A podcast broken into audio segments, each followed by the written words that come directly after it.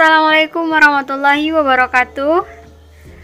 Halo semuanya, kembali lagi bersama saya Nanda Sriwayuni di Nancy Podcast. Semoga semua dalam keadaan sehat walafiat di mana pun kamu berada dan semoga kita bisa berteman baik. Jadi kali ini saya akan cerita-cerita tentang gimana proses masuk ke fakultas kedokteran, gimana uh, suka dukanya di fakultas kedokteran hingga sampai saat ini sudah lulus uh, sidang skripsi dan sudah selesai ujian akhir semester. Ini mungkin sedikit memberi pandangan dan perspektif kepada adik-adik yang juga lagi mendaftar senam PTN, SBMPTN uh, eh, tahun ini. Dan bagi teman-teman yang mau ngambil kuliah di Fakultas Kedokteran, boleh banget nih dengerin podcast ini sampai habis. Oke, jadi yang pertama uh, saya masuk lewat jalur senam PTN yaitu jalur undangan dari sekolah saya yang dulu saya uh, jurusan IPA dan saya alasan saya mengambil fakultas kedokteran itu sebenarnya sangat-sangat kompleks. Dan uh, gimana ya? Saya dulu pengen mau jadi guru pengen mau masuk di UGM dan pengen ngambil biologi banyak lah pengennya. Saya juga ikut apa ya ikut les tan tapi menurut saya umur 17 tahun ketika itu waktu saya 2000 waktu di tahun 2017 adalah masa-masa yang paling labil banget. Dan polemik memilih jurusan ini bukan perkara hal yang mudah. Mulai dari kita kepoin kuliah di sini gimana ya kuliah di sini di sana gimana terus eh, cari-cari uh, di internet cari video profil di internet sampai semua uh, fakultas-fakultas dan universitas di downloadin kemudian uh, dengar cerita-cerita dari kakak kelas gimana pendapat mereka di fakultas mereka yang sekarang di universitas mereka sekarang sampai ke ikut bimbingan konseling di SMA dan ikut bimbel SBMPTN di salah satu bimbel yang ada di kotaku. Semua udah dilaluin untuk persiapan uh, masuk ke perguruan tinggi. Kita kan cuman ikhtiar dan yang nentuin hasilnya tetap Allah Subhanahu wa taala. Jadi waktu itu sekalian persiapan UN, aku juga ikut persiapan SBMPTN sampai ikut uh, apa les di SBM di Medan. Dan itu menurutku perjuangan yang gak mudah dan gak sebentar. Perlu amunisi dan semangat yang tinggi.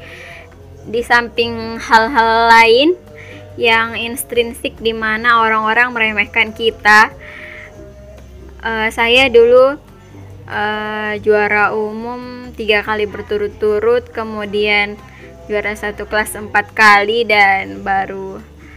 Dan uh, pendapat orang kebanyakan pasti sangat meremehkan jika uh, juara umum atau yang juara kelas nggak masuk senam PTN itu apa gunanya gitu? Kasihan banget ya kalau nggak lulus. Karena pengalaman sebelumnya uh, kakak kelas di angkatan uh, di atasku yang juara umumnya nggak lulus uh, PTN dan pernah satu orang guru bilang uh, sama saya kalau kamu nggak lulus PTN saya nggak yakin kamu bakal lulus SBM di situ saya merasa sangat sangat sakit hati sekali. Karena benar-benar merasa diremehkan. Dan jujur memang saya uh, tidak sepintar yang dibayangkan saya nggak begitu suka dengan matematika, fisika, hitung-hitungan. Dan menurut saya itu kelemahan saya walaupun saya udah belajar mati-matian udah ngerjain soal sampai ratusan. Tapi kadang tetap aja remedial. Dan mungkin memang saya nggak nggak minat nggak bakat di bidang hitung-hitungan saya lebih suka yang menghafal da, seperti biologi bahasa Indonesia bahasa Inggris. Tapi uh, sembari ikut ikhtiar uh, belajar belajar saya juga uh, berserah sama Allah. Pilihan apa yang bakalan diambil? Waktunya saya waktu itu saya mau ngambil di UGM tapi bagi saya yang apa ya yang yang berasal dari SMA di ujung pelosok Sumatera Utara itu seperti mustahil. Di samping abang kelas kakak kelas juga belum pernah masuk ke sana dan itu peluang masuknya sangat-sangat kecil sekali. Karena kan dulu kata orang harus di harus ada alumni gitu kan. Uh, lihat presentasi alumninya di di fakultas itu gimana prestasinya itu bisa memacu ki, uh, atau sebagai apa ya pemancing uh, adik-adik kelasnya masuk lagi ke sana. Terus dilihat juga dari sistem blacklist apakah alumni kita pernah di blacklist di universitas itu itu akan memperkecil kemungkinan kita bakal diterima di sana. Jadi banyak sekali ya, pertimbangan-pertimbangan. Tapi saya sebenarnya nggak juara umum ya di semester di kelas 3 ketika itu saya lagi down. Karena persiapan olimpiade juga akhirnya nggak belajar dan memang kalau nggak belajar sungguh-sungguh untuk yang eksakta itu susah banget. Jadi ketika itu memang ranking saya turun.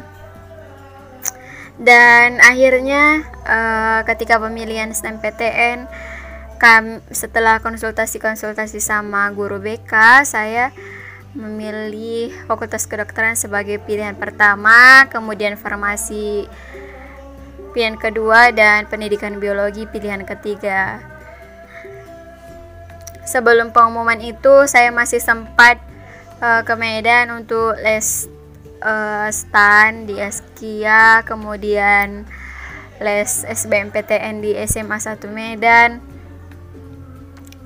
Dan di tengah-tengah perlesan dan privat-privat itu keluarlah hasil bahwa saya lulus di Fakultas Kedokteran.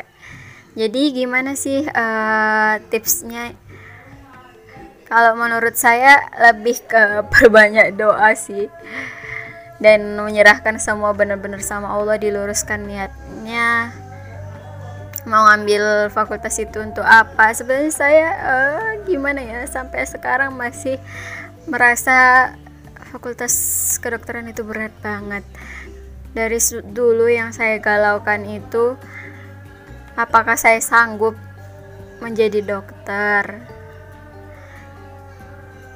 Entah entah kenapa dulu waktu mau daftar dalam hati kecil saya saya yakin saya akan lulus.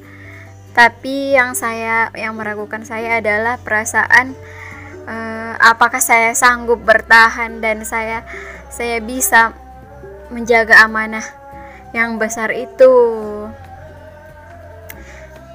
sebenarnya eh, empat sudah empat tahun ya sudah empat tahun kakak kelas yang mencoba ke Fakultas Kedokteran USU tidak lulus.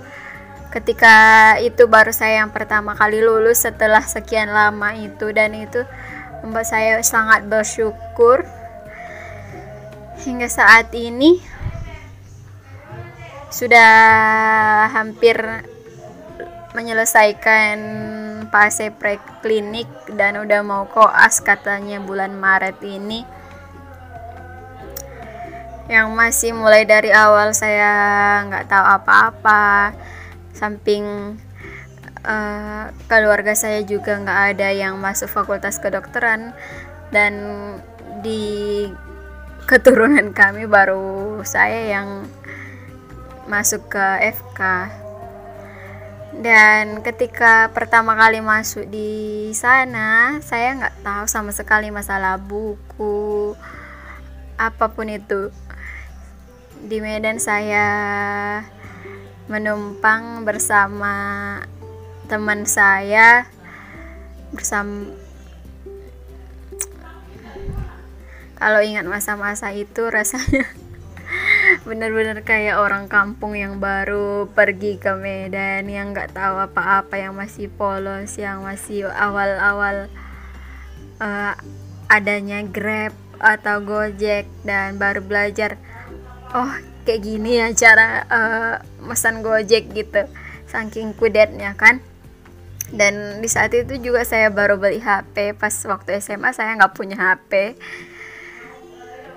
bener-bener deh perjalanan yang sangat panjang menumpang di sana sini.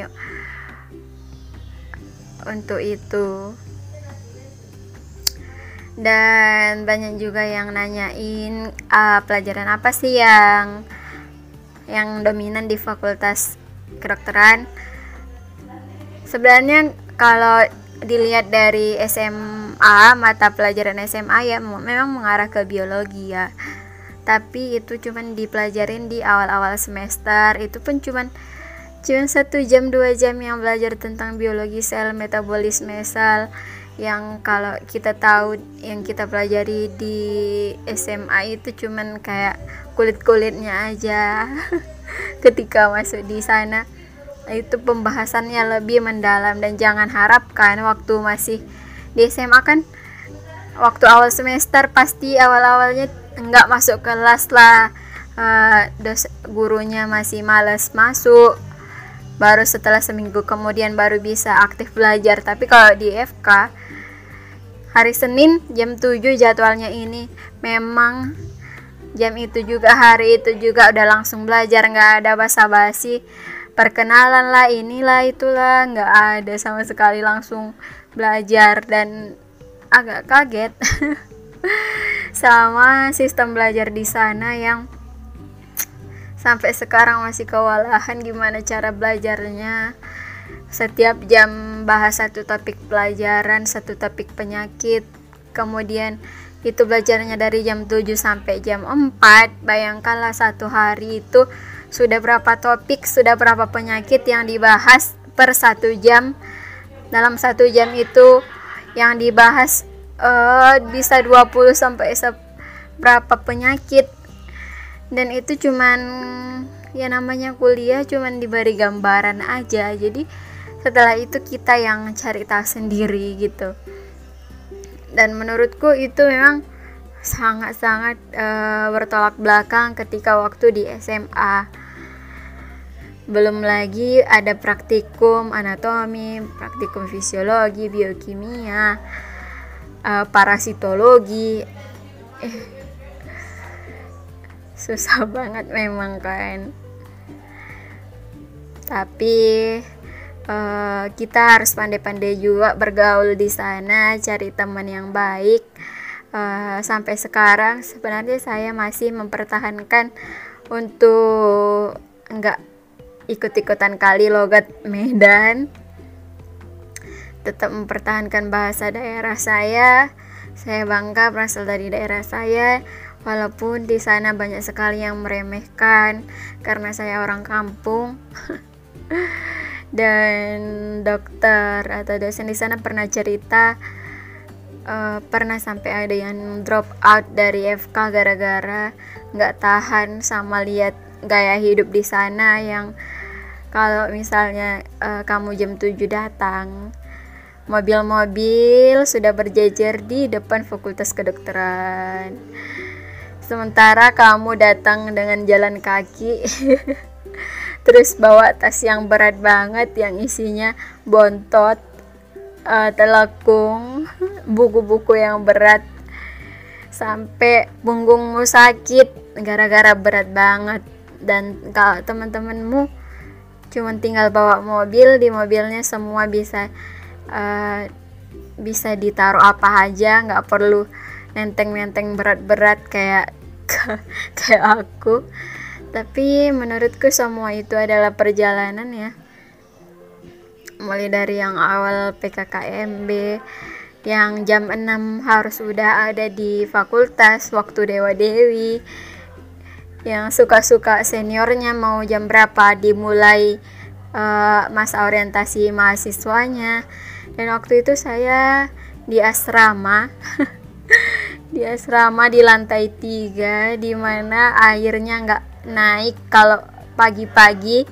Dan baru ada air kalau jam 9 jadi harus ngangkat air dari lantai satu ke lantai tiga di ember yang yang kalau sampai ke lantai tiga misalnya kita di lantai satu masih ngisi penuh pas di lantai tiga udah tinggal setengah karena capek banget ngangkat airnya udah tumpah-tumpah di tangga. Kalau nggak mau ngangkat air bisa antri di uh, kamar mandi umum. Dan itu kalau nggak cepat datang kita bisa terlambat. Dan pas waktu itu saking ramenya yang antri di kamar mandi umum saya pernah uh, mandi di satu ruang satu kamar mandi yang rusak. Airnya saya tampung uh, per gayung terus di kamar mandi itu uh, keramiknya rusak dan keluar cacing kecoa. Dan saya mandi di situ hanya satu ember. Terus semua perjalanan pahit itu udah saya lalui dan menurut saya waktu itu kok lebih susah ya perjuangannya di kuliah daripada di SMA di SMA memang saya juga asrama. Dan itu juga ngangkat air uh, karena nggak ada air apalagi kalau mati lampu. Baru misalnya uh, jam 6 belum buka uh, pagar asrama saya pernah naik manjat tembok pertama kalinya. Dan itu uh, pengalaman yang bakal nggak saya lupain. Dan setelah itu kita juga harus masih jalan sampai ke FK yang di tep, yang di pintu satu. Bisa sekitar 15 menit karena pagi-pagi sekali nggak bakalan ada beca atau apa pun gojek aja nggak bakalan ada karena masih sepagi itu. Jadi kita memang harus perkirakan cepat bangun cepat antri terus hemat terus jalan lagi. Habis itu nggak ada kompor nggak ada tempat masak. Saya cuman bawa saya cuman masak nasi di rice cooker terus masukin telur telur rebus dan disuruh bawa bontot kan ke apa waktu mos. Jadi cuman itu aja. Terus ditaruh mentimun. Udahlah pas waktu di sana makan siang orang makannya enak-enak karena bawa bontot. Mayoritas juga banyak yang orang Medan. Dan saya tanpa malu cuman bawa itu lauknya yang telur rebus sama nasi di tempat nasi yang kecil banget karena saya nggak punya tupperware.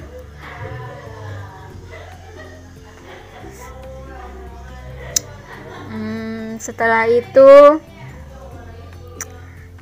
apa ya belajar masa-masa belajar waktu semester 1 saya rasa udah belajar sungguh-sungguh tapi memang uh, eh, IP-nya masih belum sesuai yang diharapkan kemudian semester eh ya kalau di semester 1 Sabtu Minggu jangan harap ada libur karena di situ bakalan penuh sama kegiatan organisasi-organisasi yang wajib diikuti. Kemudian di semester 3 saya rasa kar saya rasa nggak sanggup lagi di asrama saya memilih ngekos tetapi ternyata setelah saya ngekos bukannya lebih baik malah saya sakit-sakitan.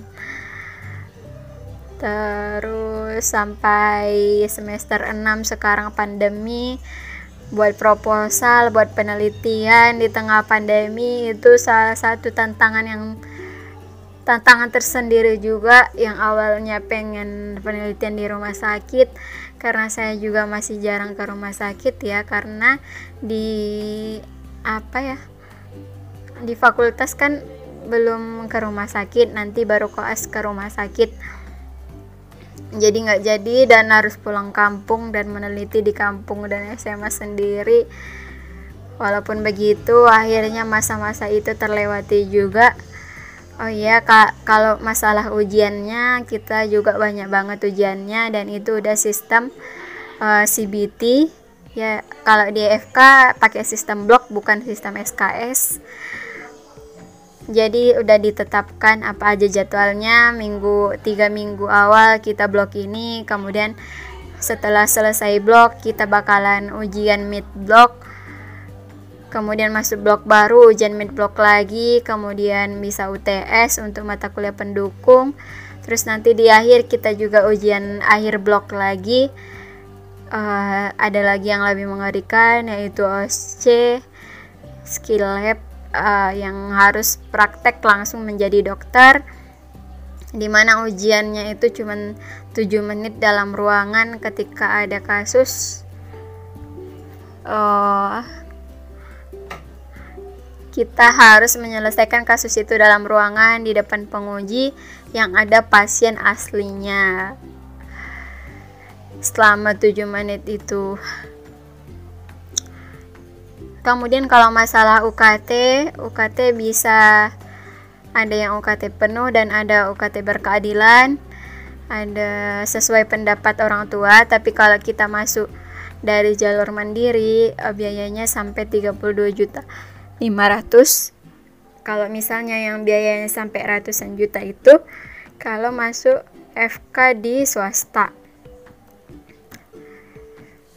E, kemudian yang kalau UKT itu udah termasuk e, biaya praktikum jadi kita tinggal praktikum aja nggak ada bayar-bayar mayat atau bayar-bayar biaya apa pun. Jadi ketika ada jadwal praktikum kita tinggal masuk dan melaksanakan praktikum uh, membuat makalah uh, ketika selesai praktikum sesuai dengan departemennya masing-masing.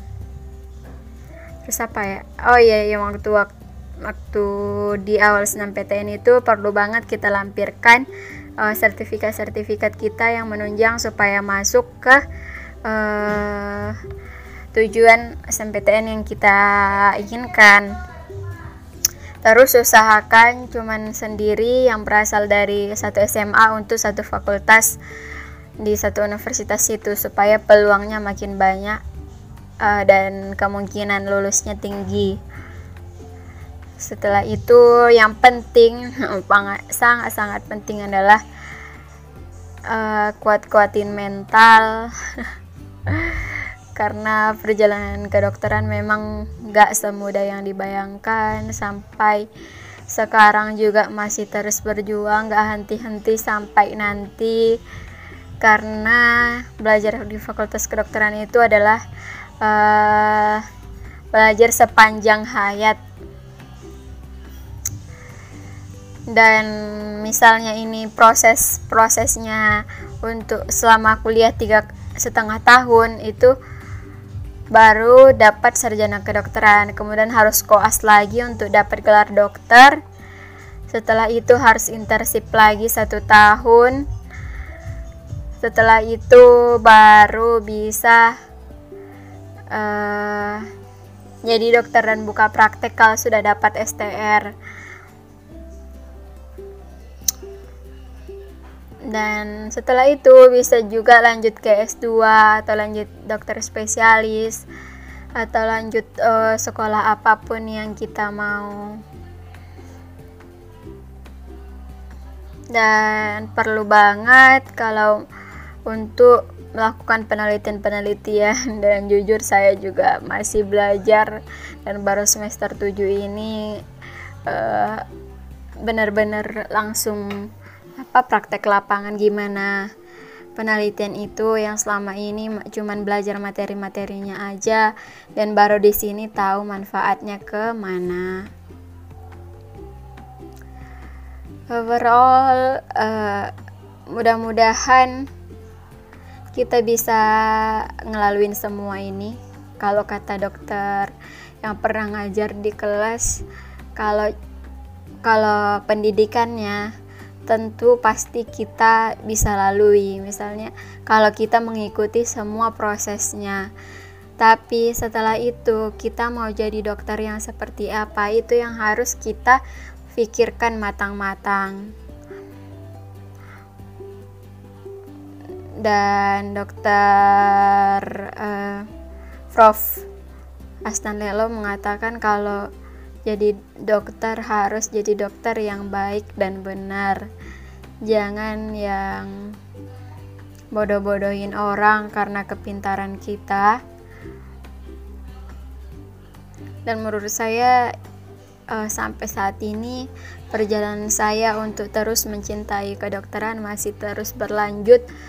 Dan pernah juga saya ingin berhenti karena saya merasa sangat susah. Saya pengen ngejar uh, mimpi jadi penulis tapi tapi ya gimana ya? Memang penulis tanpa profesi yang lain itu juga masih harus diperjuangkan. Jangan cuman jadi penulis aja terus apalagi ya?